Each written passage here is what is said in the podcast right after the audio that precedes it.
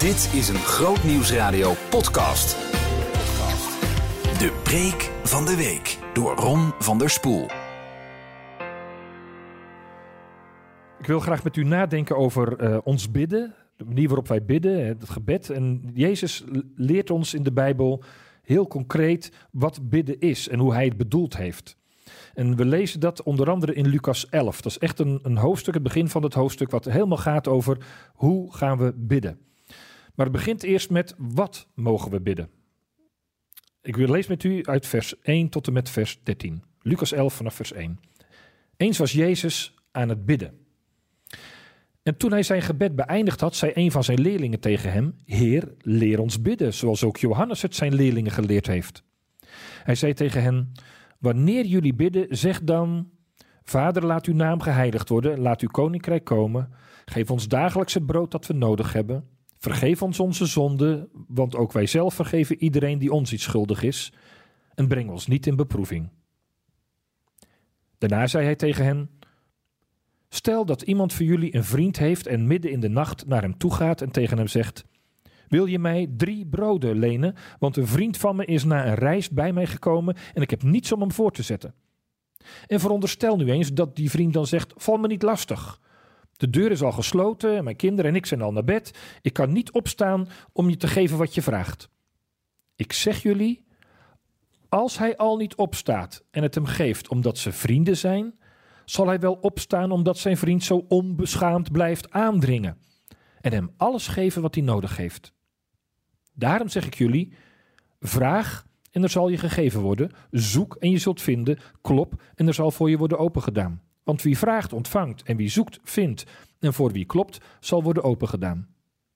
Want welke vader onder jullie zou zijn kind, als het om een vis vraagt, in plaats van een vis een slang geven? Of een schorpioen, als het om een ei vraagt? Als jullie dus, ook al zijn jullie slecht, je kinderen al goede gaven geven, hoeveel te meer zal de Vader in de hemel dan niet de Heilige Geest geven aan wie hem erom vragen? Jezus wil ons leren bidden. Hij was zelf aan het bidden. Dat deed hij vaak. Trok hij zich terug, ging hij in gebed tot zijn vader. En dan kwam hij weer terug bij zijn discipelen. En dan staat er aan het begin van dit hoofdstuk: Eens was Jezus aan het bidden. En toen hij zijn gebed beëindigd had, zei een van zijn leerlingen: Leer ons bidden. Terwijl ze al lang baden. Joodse kinderen leerden al van, van, van, van, van kleins af aan om te bidden. Dit waren biddende discipelen. Ze konden heel goed bidden. En toch zien ze kennelijk bij Jezus iets anders. De vraag is, leer ons ook bidden, zoals Johannes het zijn discipelen geleerd heeft. Want iedere rabbi in de dagen van Jezus leerde zijn discipelengroep een gebed. En in dat gebed weer klonk dan iets van het persoonlijk geloof van die rabbi, hoe hij met God omging. En dan konden die leerlingen dat overnemen. En nou, zo deed Johannes dat voor zijn leerlingen. Dat gebed dat kennen we niet, dat is niet overgeleverd. Maar dan vragen ze, wilt u ons ook zo'n typisch Jezus gebed leren? Zo'n gebed zoals u dat dan doet. Want we zien dat er iets gebeurt als u gebeden heeft. En dan zegt Jezus, dat is goed. En dan leert hij hen het Onze Vader. Dit is wat je mag bidden. Maar dan gaat hij na het Onze Vader direct door. En dan zegt hij hoe we mogen bidden. En dat doet hij aan de hand van een gelijkenis. Er is een vriend. En zegt hij, stel iemand van jullie heeft een vriend. Uh, en midden in de nacht gaat hij naar hem toe en zegt tegen hem: Wil je mij drie broden lenen? Dus hij zegt: Er is een man. Uh, die, die krijgt onverwachts bezoek. Midden in de nacht komt er iemand bij hem aan de deur, een vriend van hem.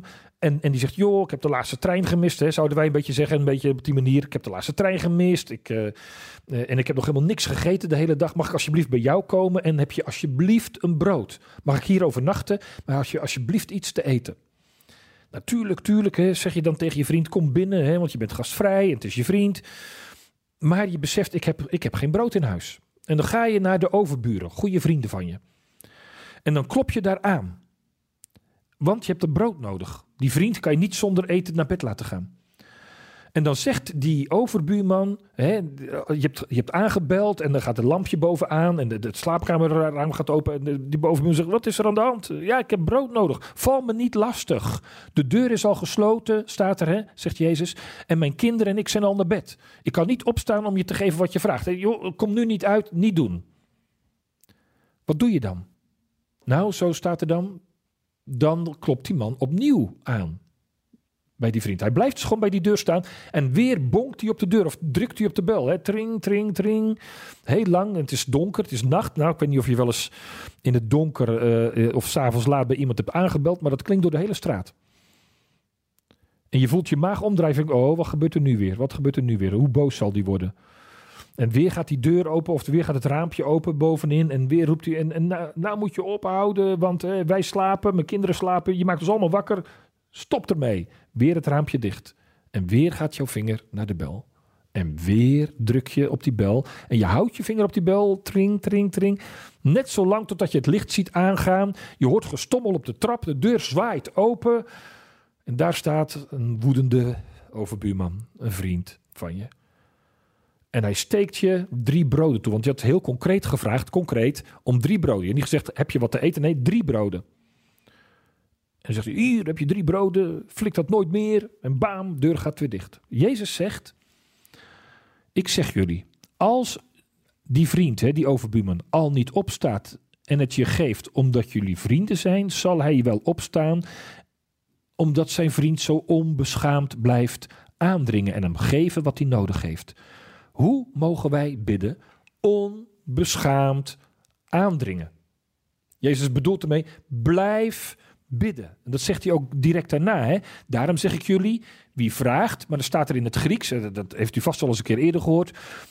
In het Grieks staat er een werkwoord wat betekent blijf vragen en er zal gegeven worden. Blijf zoeken en je zult vinden. Blijf kloppen en er zal voor je worden opengedaan. Want wie blijft vragen ontvangt, wie blijft zoeken vindt en voor wie blijft kloppen zal worden opengedaan. Jezus benadrukt het keer op keer op keer. Blijf vragen.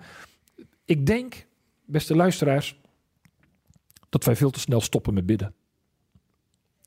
Ik maak dat in mijn eigen leven mee, ik maak dat om me heen mee. Ja, ik hoor ook wel eens van mensen die al 30 jaar bidden voor hun kind dat het tot geloof mag komen of uh, dat, dat er iets anders mag gebeuren.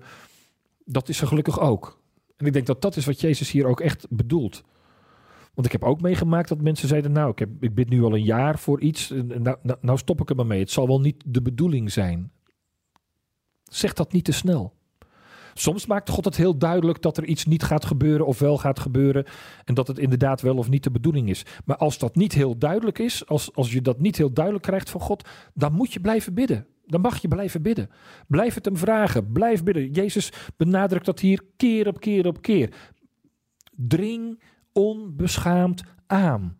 En onbeschaamd is niet brutaal, maar onbeschaamd betekent: Heer, ik heb niemand anders waar ik naartoe kan gaan. Ik weet niet hoe ik het anders zou moeten uh, uh, voor elkaar moet komen. Ik weet niet wie het anders zou kunnen doen. Ik heb alleen maar u. Dus het is niet brutaal, maar het is de pure afhankelijkheid. Ik kan nergens anders heen dan naar u alleen. Dus hier ben ik weer. En vraag ik het opnieuw en opnieuw en opnieuw. Gebeurt het dan ook? Nou, zo, alsof Jezus die vraag al door heeft.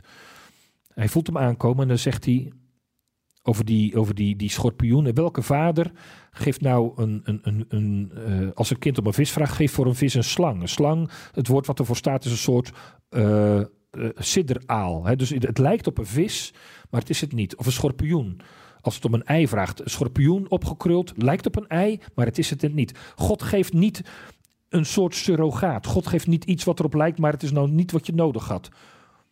En dan zegt hij, als jullie kinderen die slecht zijn, of jullie vaders die slecht zijn, je kinderen al goede gaven schenken, hoeveel te meer zal de Vader in de hemel niet de Heilige Geest geven aan wie hem erom vragen. Dan zal ik even heel eerlijk zijn, ik heb dit vaak lastig gevonden. Want ik bid om genezing en God zegt, nou, er is geen genezing, maar ik geef je wel mijn geest. Dan denk ik, ja, maar ik had gevraagd om genezing. Ik bid om een bepaalde verandering, of ik heb iets heel hard en dringend nodig. Ik krijg het niet, maar Jezus zegt, maar je krijgt wel de Heilige Geest. Soms voelde ik dat een beetje als een soort afschepen. Totdat ik besefte wat hij hier zegt. Ik kijk heel vaak naar de handen van God zeg, Heer, wilt u mij dit geven uit uw hand? Mag ik dat geven uit uw hand? Wilt u dat doen met, uw, met uw sterke rechterhand? En hier zegt God, weet je, ik geef je niet alleen mijn hand, ik geef je mijn hart, ik geef je alles. Ik ben zelf helemaal bij je. Dat betekent, als hij zegt, mijn vader zal de geest geven. Je vraagt om een brood, hij geeft je alles. Je vraagt, uh, hij geeft zichzelf, hij geeft, hij geeft alles wat je nodig hebt. Niet alleen dit ene, maar alles wat je nodig hebt. zul je van mij ontvangen. Als we God bidden, krijgen we altijd zijn geest. En daarmee ben je sterker, en krachtiger en gezegender dan ooit tevoren. Je mag heel concreet en blijvend vragen om iets wat je nodig hebt. En zijn geest zal bij je zijn. Amen. Behoefte aan meer? Grootnieuwsradio.nl slash podcast.